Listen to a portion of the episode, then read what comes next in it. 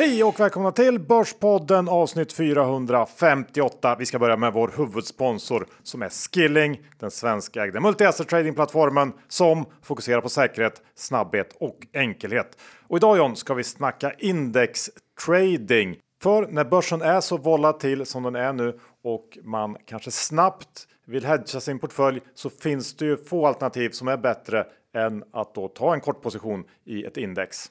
Ja, eller långposition om man tror på uppgång. För eh, det är väldigt bra och ett enkelt sätt att ta riktningsbett på börsen. Man behöver inte fokusera på enskilda aktier utan man kan ta ett bett på index. Upp eller ner, kort eller lång. Eh, det tycker jag är fantastiskt och det är väldigt många traders som gör det. Ja, och eh, man behöver inte heller begränsa sig till en viss marknad utan man kan välja olika länder, olika branscher Eh, och till och med olika storlekar på bolag om man nu vill det. Och Skilling har ju såklart ett brett utbud av eh, indexinstrument att handla.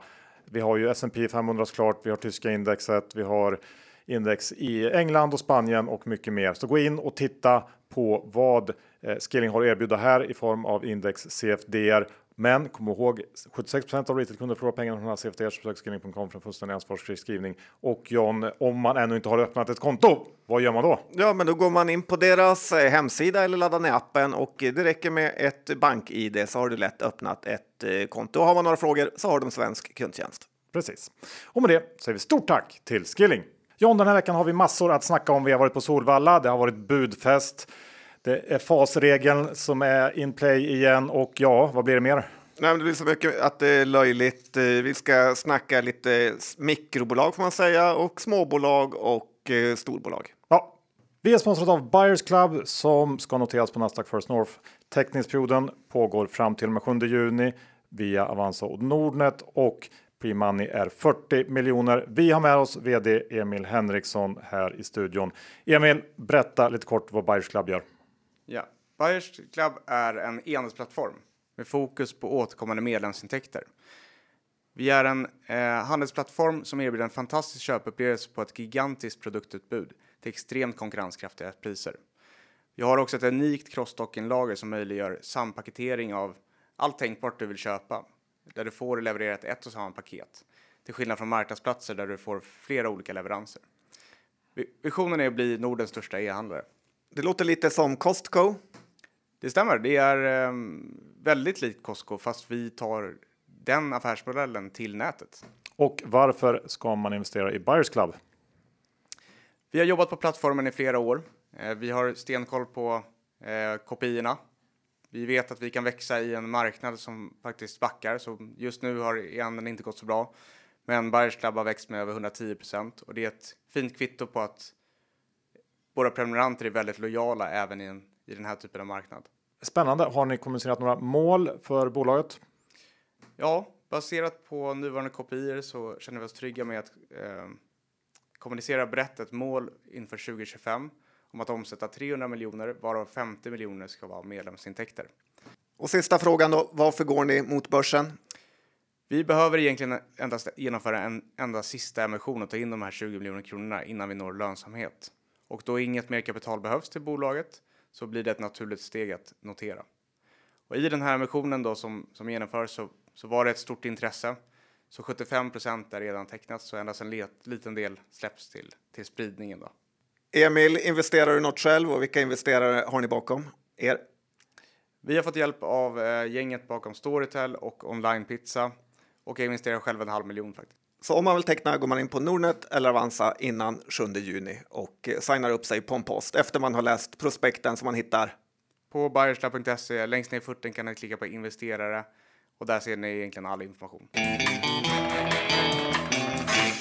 Johan, Dr. Bassi, Saxon Index är i 2050 och det här bear market rallyt fortsätter uppåt faktiskt. Det var inte länge sedan vi var på nära 1900 och nu är vi på 2050. Berätta mm. för oss. Ja, det går upp och ner börsen. Mm, tack. Varsågod. Nej, men jag nu är podden slut. jag tycker att vi befinner oss i någon slags eh, mellanläge eh, nu där eh, man kan säga att bolagens siffror fortfarande ser bra ut. Men börsen har tappat en hel del ändå får vi säga. Eh, och samtidigt så finns det en stor risk för att konjunkturen kommer att bli sämre framöver här. Och det är ett lurigt läge för en hel del aktier börjar se ganska billiga ut. Men man får ändå säga att osäkerheten kring var et i P1 kommer att landa kommande året är väl större än på länge. Alltså earnings, intjäningen. Ja, precis så. Eh, men om man väljer att fokusera på det som kanske betyder mest, det vill säga centralbankernas agerande, så tror jag ändå att man kan ta det lite lugnt med att fingra på köpknappen. För flöden, det är det som styr börsen och centralbankerna är ju de som till stor del styr flödena. Och vi är en bit, tror jag, ifrån det läge då centralbankerna ändrar kurs och börjar gasa igen. Och så länge de har foten på bromsen så kommer börsen också ha det i viss mån.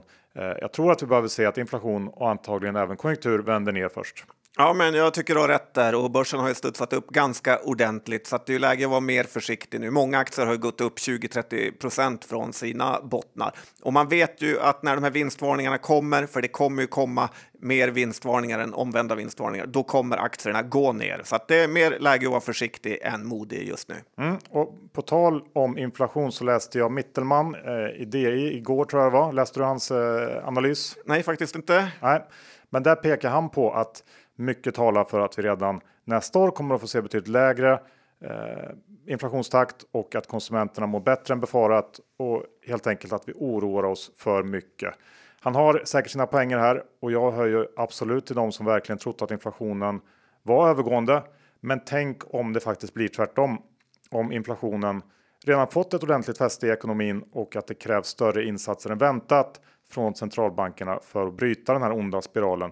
I ett sådant scenario så kommer börsen inte vara en särskilt rolig plats att vara på, även om man kan argumentera för att det går att gömma sig i vissa sektorer. Det skulle antagligen innebära mer av den börs vi redan sett här sista halvåret och oavsett vad man tror om det här med inflation så kan det vara värt att i alla fall tänka igenom sina investeringar ur perspektivet att vi skulle ha en fortsatt hög inflation.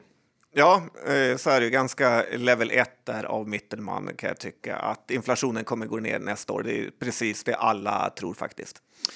Vi går över till någonting eh, trevligare att prata om, nämligen att John Skogmans tradingportfölj äntligen är på plus. Ja, men det har varit ganska svettig väg dit kan jag säga. För det är det bästa som hänt den här veckan. Äntligen har man kommit upp till break-even på sin tradingdepå för året. Det har ju varit ett så kolossalt uselt och svårt eh, tradat år för mig och jag gissar för många andra traders där ute också faktiskt. Det har inte saknats möjligheter direkt, eh, för man har ju tjänat massa, massa pengar, men man har tyvärr också lyckats förlora en otrolig massa pengar också.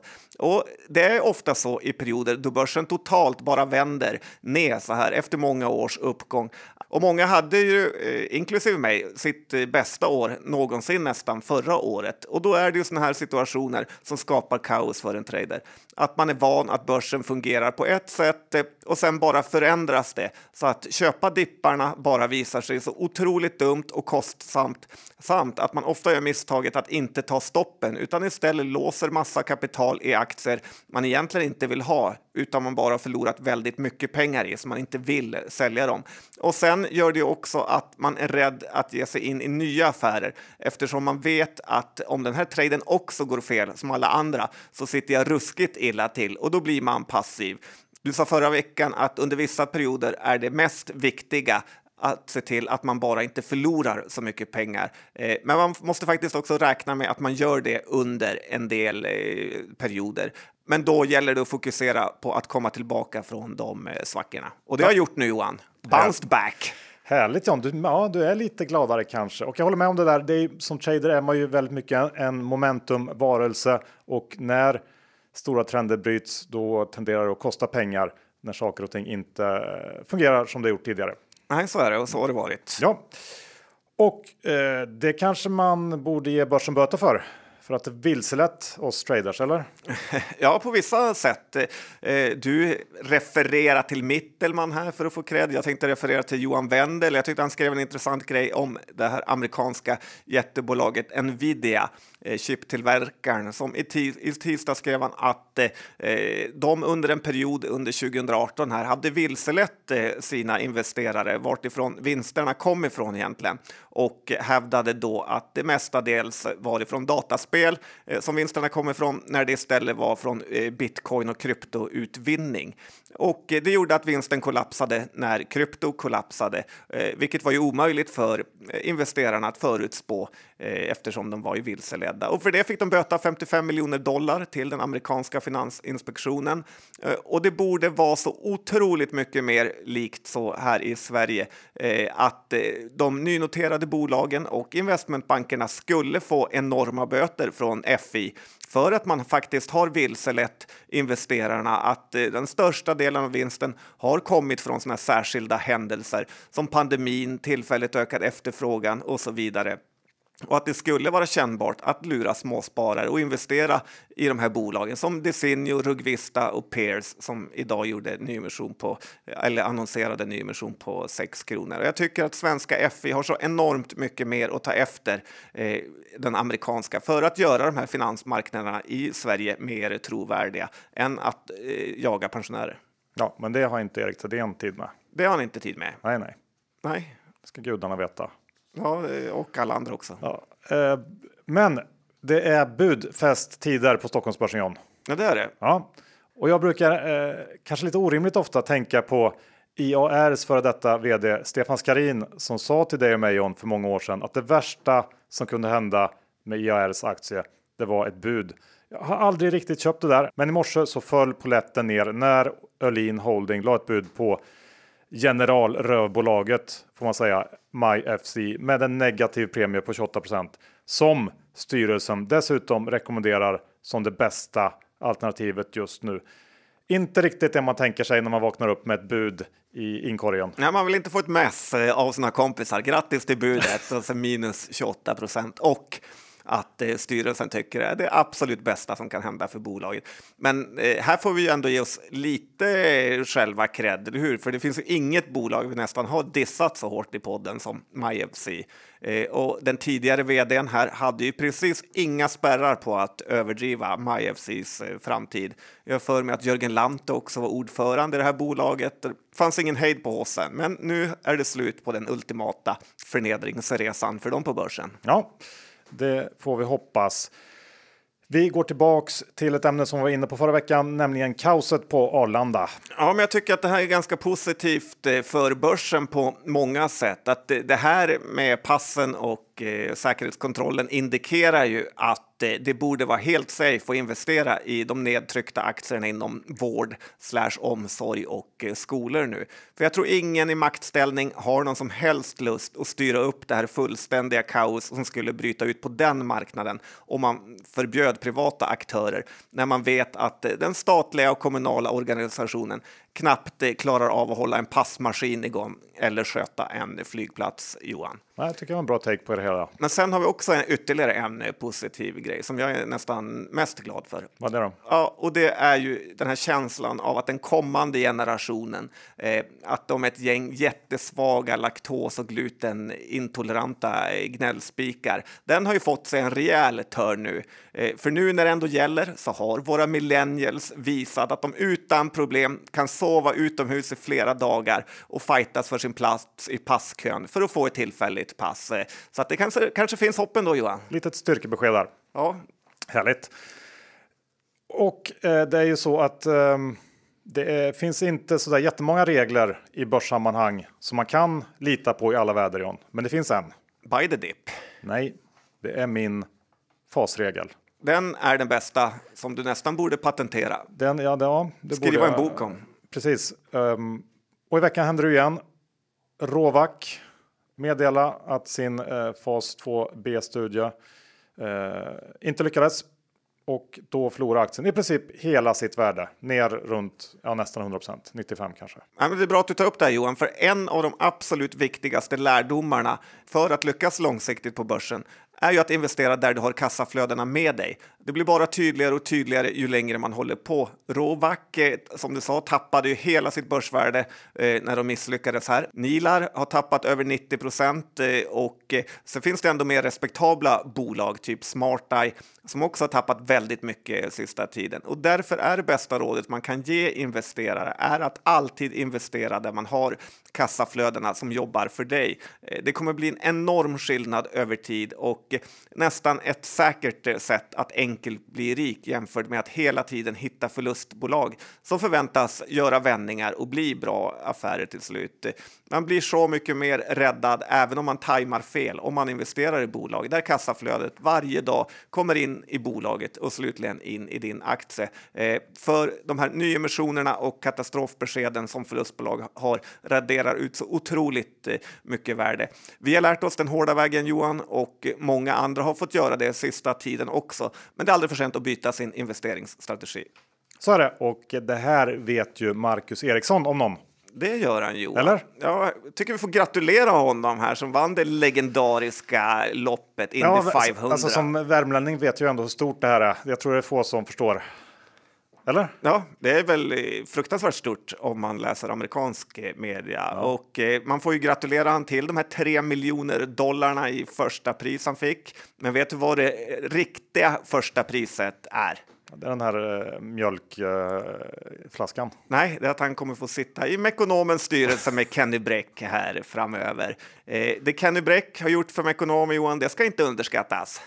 Ska Nej, det ska väl inte det antar jag. Ska inte överskattas heller kan jag säga, för min känsla är att han faktiskt eh, gjort precis ingenting där. Eh, men det som jag är mest fascinerad över med hela den här eh, Marcus Eriksson händelsen och att han vann är ju Husky Chocolate. Jag kan inte släppa dem, för de är någon typ av stor sponsor för Marcus Eriksson. Vi har pratat om det förut och eh, de sponsrar F1, Millwall, Hammarby. Det är något som inte stämmer med allt det här. Husky Chocolate är ju någon typ av energidryck slash varm och företag och verksamheten är ju inte i närheten av att kunna matcha alla de här sponsorsåtaganden de har.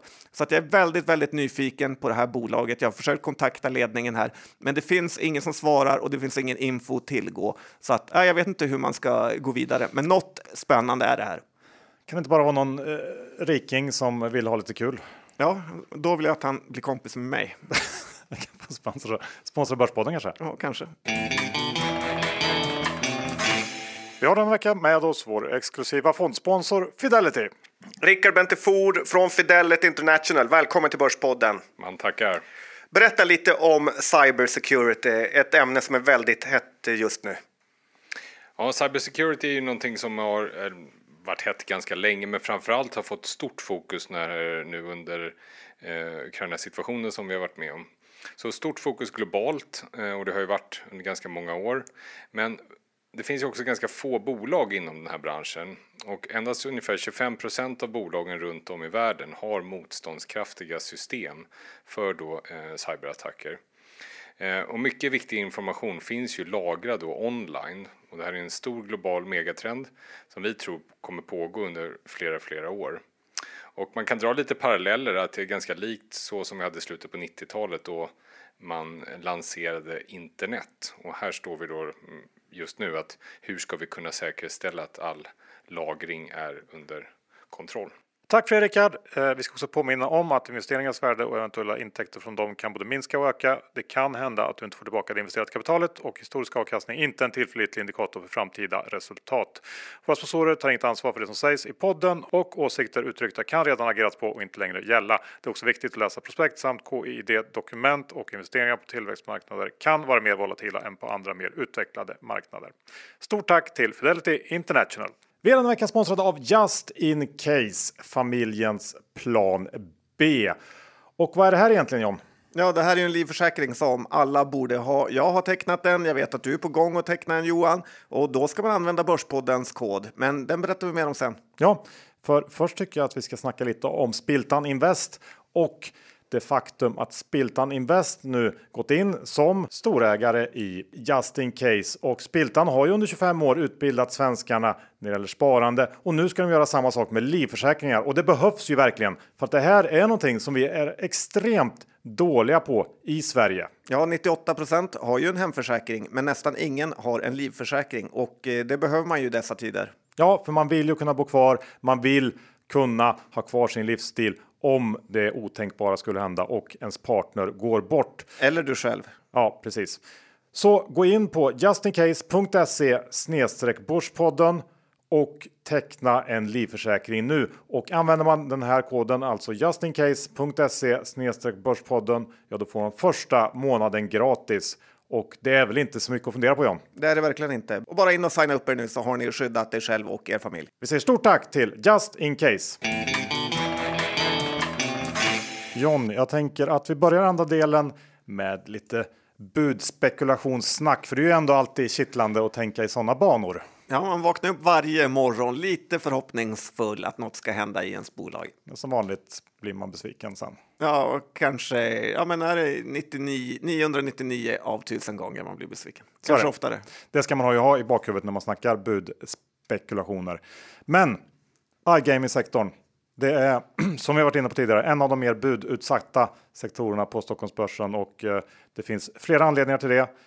Våra svenska bolag ligger som bekant långt fram i den här branschen internationellt sett. Men vi har också den här avsaknaden av institutionella ägare och det har lett till låga värderingar och ägarlistor som underlättar uppköp. Och jag tänkte att vi därför skulle ta en titt på några av de bolag som skulle kunna bli uppköpta i den här branschen. Och eh, förra veckan pratade vi om Catena Media när de då gick ut med att de har blivit kontaktade av tredje part. Eller som de skrev om man läser eh, PMet noggrant, third parties i plural. Eh, så det verkar vara flera olika intressenter som då är sugna på att förvärva vissa tillgångar och de har då inlett en strategisk utvärdering av verksamheten. Eh, man pratar. Hoppas inte att eh, MyFC-gänget är ett av de eh, third parties. Nej, eh, Öhlin Holding. Jag vet inte om de har intressen i iGaming-sfären. Kanske, vi får se. Eh, de pratar specifikt om intresse för oss gamblers och eh, de här financial trading delarna, även om man inte utesluter då att andra delar också kan säljas. Så med andra ord, lite vad som helst kan hända här. Allt ifrån att hela bolaget säljs till att allt rinner ut i sanden och ingenting händer. Um, vid en eventuell affär så är det ju svårt för mig i alla fall att se någon drömprislapp, lite som du var inne på förra veckan John, för eh, hela eller delar av Catena Media. För knappt två år sedan så fanns det ju eh, något slags bud på bordet från Betco eh, som ville köpa hela Catena Media. Då pratar man om drygt 50 kronor här för mig för hela bolaget, men det budet avvisades. Eh, svårt att sia om var man skulle landa idag, men ett bud upp mot eller strax under 60 kronor skulle jag tycka var eh, rätt bra betalt i Catena Medias fall. Eh, jag tycker att handeln sedan den här nyheten kom ut talar emot att det verkligen blir något. I och för sig har aktien varit hyfsat stark sista dagarna, men det har inte varit någon rusning efter aktier som det brukar vara när grejer är på gång nere på Malta och um, ja, jag vet inte. Jag har kvar de aktierna jag köpte i samband med att nyheten kom ut, men min plan är inte att uh, vara någon slags långvarig långsiktig ägare här, utan om det inte händer någonting snart så kommer jag att börja sälja av, för det här är först och främst ett budspäck för mig och eh, givet då att man har gått ut med att det finns ändå ett intresse på bordet så tycker jag att det borde hända någonting ganska snart om det ska hända någonting alls. Ja, det är bra sagt. Eh, Hoppas att Ville Gruvberg är med och styr upp så aktieägarna får lite betalt om det skulle säljas. Ja, Eh, det hoppas jag med. Eh, sen har vi lite bortglömd bland allt iGaming budsnack. Tycker jag att Kindred är ändå. Aktien har tappat en del eh, från sina högsta nivåer förra året. Eh, upp i och för sig från lägsta nivån i år eh, och det är ju främst på grund av den här härvan i Nederländerna som aktien haft det jobbigt. Eh, Men det är ju inte helt orimligt att någon aktör passar på att utnyttja den här kursvackan för att plocka upp bolaget. Vi har den här amerikanska hedgefonden Corvex som flagga eh, för inte så länge sedan upp för att ha passerat 10 av kapitalet och de gick ju sen strax efter det ut med ett öppet brev där man menar att Kindred borde utvärdera alla alternativ inklusive en försäljning. Eh, så det jobbas ju ändå i kulisserna eh, för att få saker att hända här. Ja, vem vet? Ja, ett stort problem för många av eh, de här bettingbolagen är ju att de amerikanska bettingbolagen har gått så fruktansvärt eh, dåligt på börsen jämfört med ett år sedan. Så att deras eh, kraft och eh, möjlighet att ta in pengar har ju minskat betydligt jämfört när Kindred handlades i 150 och det var en vansinnes. Eh, så att eh, jag kan tänka mig att de amerikanska bolagen har lite mindre krut att använda. Ja, delvis. Eh, samtidigt kanske det också ökat fokus på att få in lönsamhet i verksamheten. Alla de svenska bolagen är lönsamma. Eh, ur den aspekten kanske det är intressant och eh, vi har ju den svaga kronan. Ja, det är eh, fortfarande så att det är ganska små bolag också, de svenska jämfört med många av de amerikanska jättarna. Så att visst, man kan vrida, vrida och vända på det där, men jag tror ändå att det fortfarande eh, är så pass goda tider att det går att genomföra bud. Eh, men Ja, Leo Vegas blev uppköpt för bara några veckor sedan, så att det, det är ju verkligen möjligheter till bud. sen har vi också då såklart Kambi. Och här tycker jag att vi har lite av ett omvänt läge jämfört med Catena Media om man då bara ser till hur aktien har rört sig. Eh, För även om bud har varit en möjlighet ända sedan man fick den här rådigheten över konvertibeln i februari så har väl budryktena om något svalnat sedan dess i takt med att inget eh, har hänt. Men den sista månaden så har ju aktien börjat gå misstänkt starkt ändå på en ganska svag börs i övrigt. Och efter då en uppgång på drygt 20 bara sista veckan här så är det svårt att inte börja spekulera i att någonting är på gång.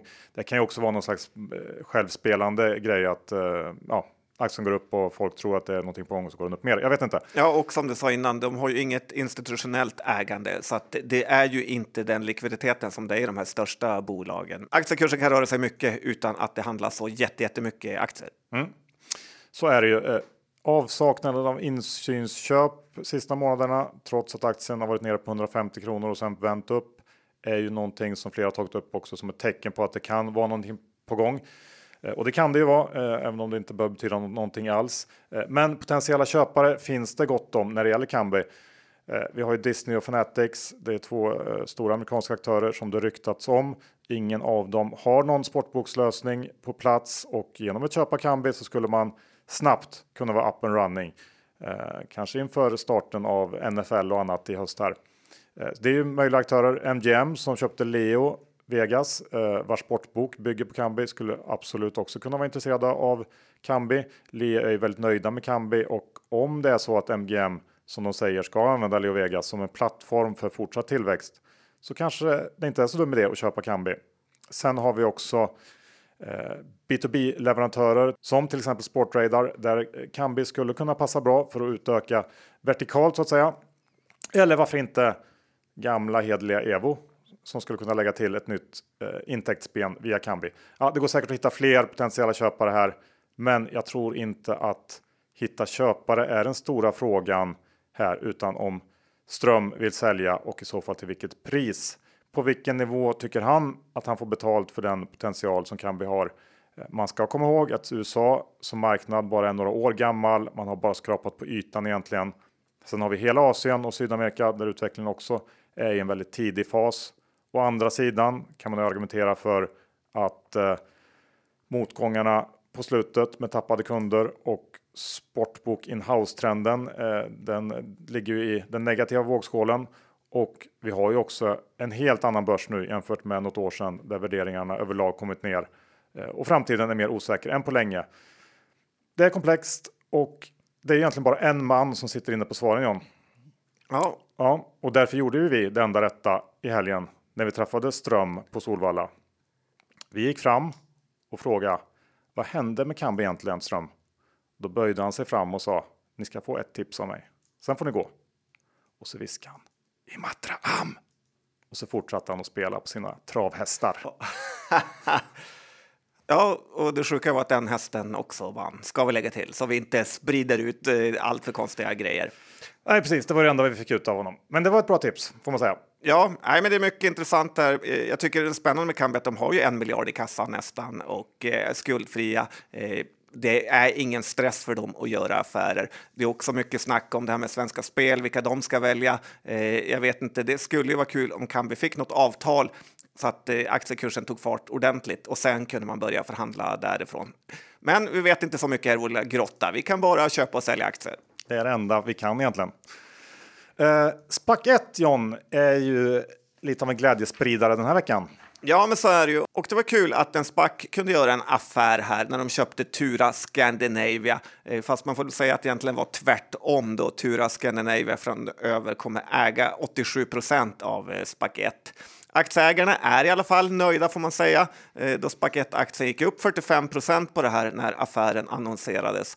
Tura, har du någon koll på dem Johan? Vad jag eh, fått fram genom att surfa på hemsidan och så, så är det någon typ av CD-ON, Amazon-försäljare av elektronik eh, och allt möjligt eh, krimskrams eh, eh, här i Sverige.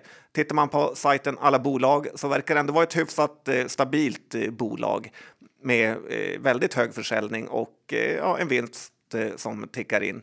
Men jag tycker det här visar att det finns pengar att göra i att köpa de här nedtryckta spackarna som handlas på börsen. Och eh, har man pengar över eh, så rekommenderar jag verkligen folk att fundera på en investering i framför allt de här eh, household namen som Buresbacken och Creadesbacken eh, som handlas med rabatt mot kassan nu. Och eh, som man ser här på SPAC så går det faktiskt att skapa bra aktieägarvärde. Om man lyckas hitta något intressant att köpa så finns det ju verkligen uppsida utöver att bara få tillbaka pengarna på 100 kronors nivån. Ja, tycker det var en eh, kul affär av SPAC 1 och eh, lite upplyftande att se att även de här lite mindre spackarna kan göra bra affärer eh, och ja, lyckas överraska lite grann. Så det var bra. Vi går över till en annan snackis, stor snackis den här veckan och det är ju SAS får man säga. Ja, det var ju en otroligt usel rapport de kom med och det är bara att inse att det är kört för SAS. Eh, det är en pengabränningsmaskin som är så skuldsatt nu att det finns ingen rimlig chans för dem att det kommer gå att vända som ett vanligt bolag. Omsättningen ökade ju massor jämfört med förra året, men det blir ändå en brakförlust på sista raden.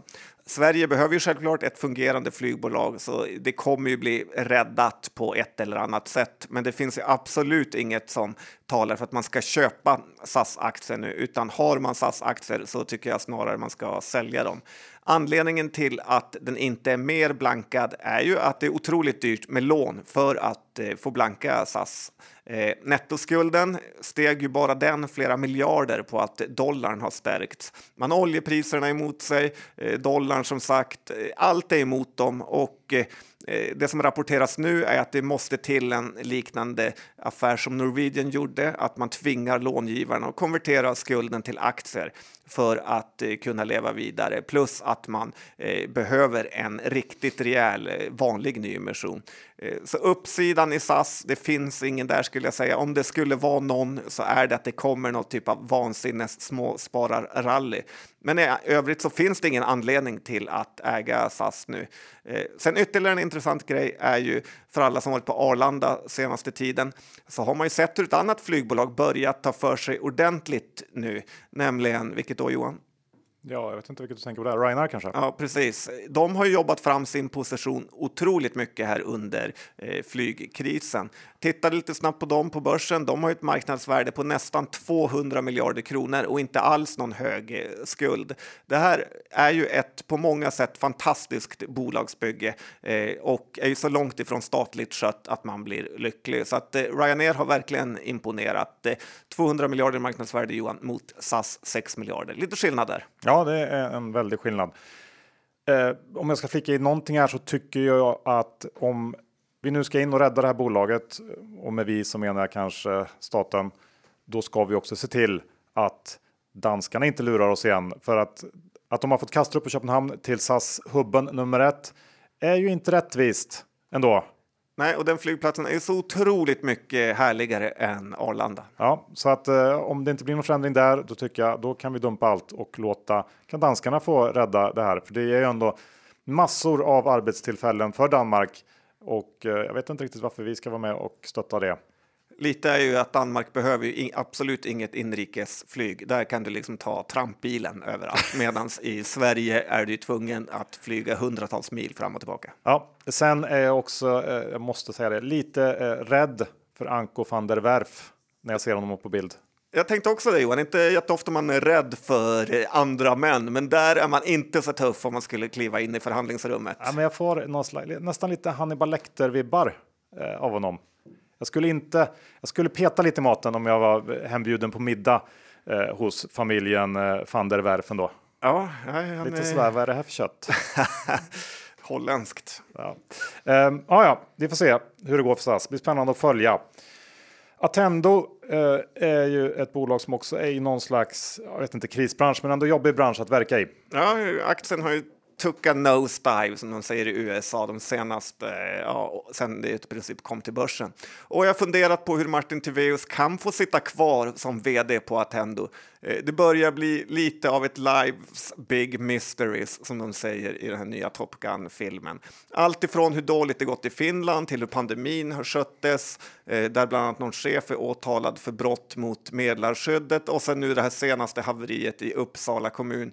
då de har fått blanda in polisen och dessutom bli av med sitt avtal värt 90 miljoner kronor för att Uppsala inte vill jobba med Attendo längre. Och det lär inte bli några nya deals där heller, ingen positiv goodwill direkt. Nordstjärnan, som är storägare i Attendo, har ju visat sig så svaga så att eh, de numera är i samma klass som i Stena-sfären.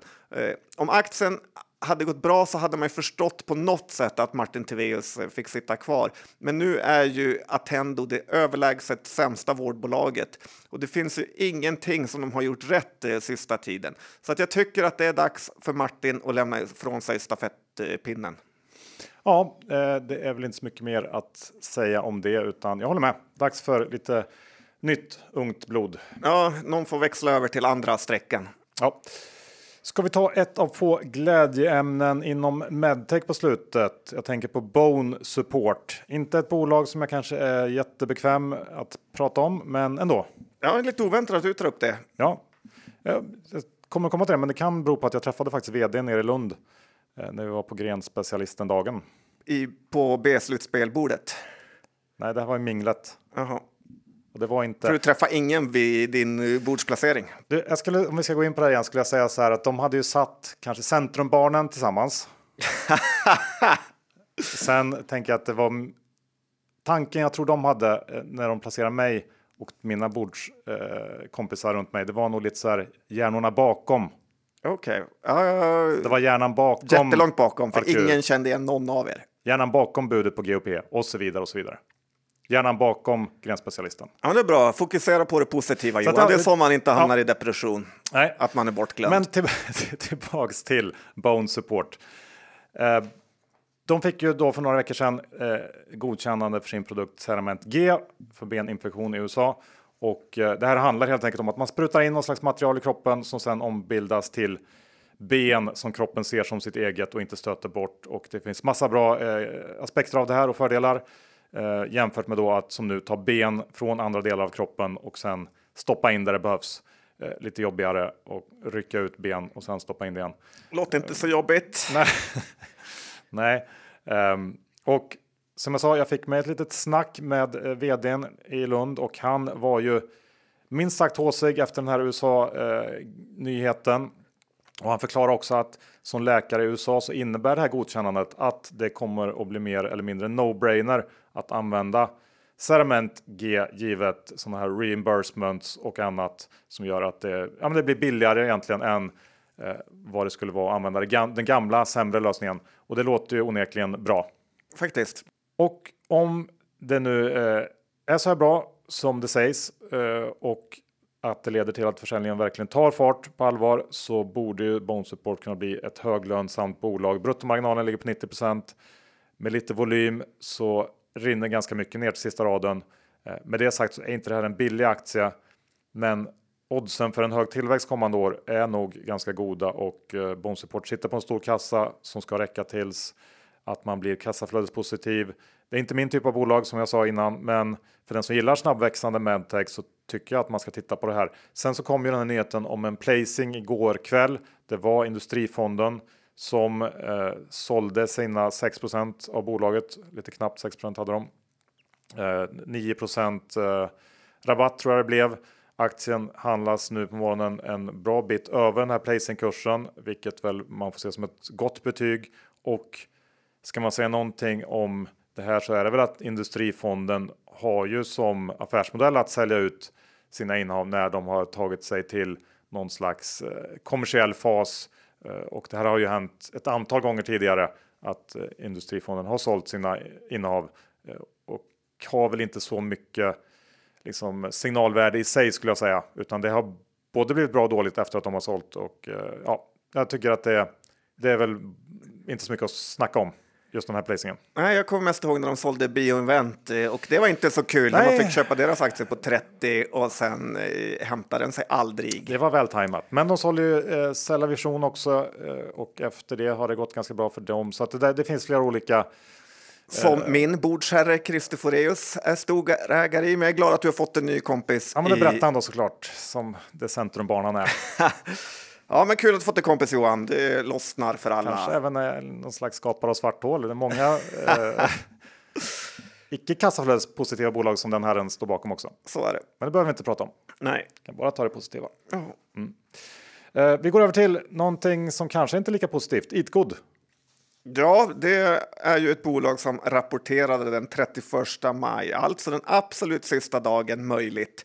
Vilket i sig är imponerande. Två månader tog det att sätta ihop med en rapport med bara några miljoner i omsättning. Eh, Eatgood säljer luftfritöser till restauranger och Eh, hade ett eh, airfry, tror jag den kallas, deras maskin. Och de hade ett kanonkvartal här enligt dem själva. Eh, då frityroljor och elpriser gått upp massor och då ska tydligen restauranger vara mer sugna på att prova den här luftfritösen, vilket ja, låter ju lite rimligt i alla fall. Försäljningen ökade flera hundra procent mot förra året och det har väl också att göra med att restaurangbranschen öppnat lite mer och att folk är mer ute i rörelse. Men tyvärr, som i så många mindre bolag så är resultatet ungefär detsamma ändå. Att eh, skalbarheten är för dålig och lönsamheten är för dålig. Eh, lite tidigt kan det vara att döma ut Eatgoods lönsamhet om man fortfarande bara säljer för 2,5 miljon på ett kvartal. Men jag tycker ändå att det säger något att eh, man sålde för 650 000 förra året och resultatet ändå är samma. Eh, sen har man bara 3 miljoner kvar i kassan.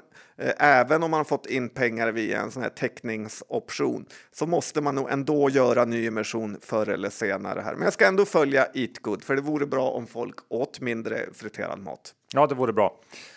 Vore det bra om folk var mer engagerade i sina projekt då, John? Oj, oj, oj, vad fyndig. Men projektengagemang, eller PE som de numera försöker profilera sig som, är ju ett eh, av få konsultbolag som inte lyckats leverera på börsen.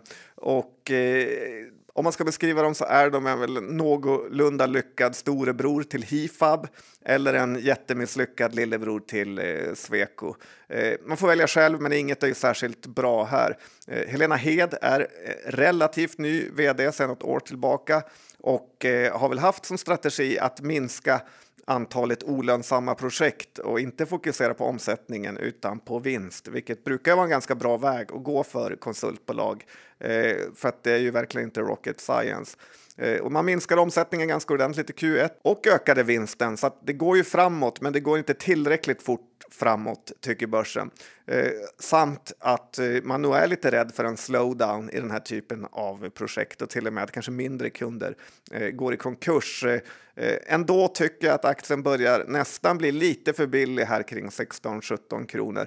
Man gav utdelning på 40 öre nyligen, eh, vilket kanske eh, Eh, man borde använt eh, och hålla de pengarna i bolaget för att eh, städa upp balansräkningen lite. Man har nettoskuld på ungefär 160 miljoner eh, trots att man bara har ett börsvärde på just över 400. Eh, och sen det som nästan stör mig mest med det här bolaget är att eh, man jobbar väldigt mycket med fina titlar, till exempel finanschefen. Eh, han, det heter inte finanschef eller CFO utan vet vad det heter Johan? Ja, jag vet inte. Finansdirektör. Oj då. Och nej, du är inte direktör när du jobbar på ett mikrobolag på börsen som dessutom underlevererar. Eh, men grejen är, de har över 800 anställda och eh, det är ganska många för ett konsultbolag som värderas till just över 400 miljoner. Eh, så får man bara lite fart här eh, så skulle det kunna bli en bra affär. Eh, däremot ska man kanske avvakta till efter Q2 då det är ett, eh, kommer vara ett svagt konsultkvartal. Nej, men jag håller med. Jag har också haft eh, projektengagemang lite på bevakning under en ganska lång period. Varit inne i aktien lite då och då, men ja, jag håller med dig om din slutsats här. Är det är ingen som har tjänat pengar i den aktien eftersom den Nej, bara har gått ner? Nej, precis. Det- Skärpning av Öresund och eh, sjukt nog det- Protector Försäkring som är storägare. Tråkig egenskap på sin aktie kan man säga. Ja, Mm. den jag gillar att hitta Johan. Nej. Slut på avsnitt 458. Vi säger stort, stort tack till vår huvudsponsor Skilling som är den svenskägda multi-asset tradingplattformen som satsar på säkerhet, snabbhet och enkelhet. Öppna ett konto om ni inte redan har gjort det. BankID är det enda som krävs och ja, ladda ner appen förslagsvis så är man igång på ett kick. Men kom ihåg 76 av retailkunder förlorar pengarna hos CFD så besök skilling.com för en fullständig ansvarsbeskrivning. John, hur är det med innehav den här veckan? Kambi har jag såklart. Jag har bettar på bud i Catena Media. Hoppas att jag någon gång i livet kan få ha lite, lite tur. Ja, det hoppas jag också. Fick ju inte det på i, i bordsplaceringen Johansson. Jag skojar, det där är taget på dig. Eh, Jag har Kambi, Catena Media och Projekt Engagemang. Ja, eh, bra. Det var nog eh, det va? Härligt. Då tackar vi för att ni lyssnade. Vi hörs om en vecka igen. Hej då! Det gör vi.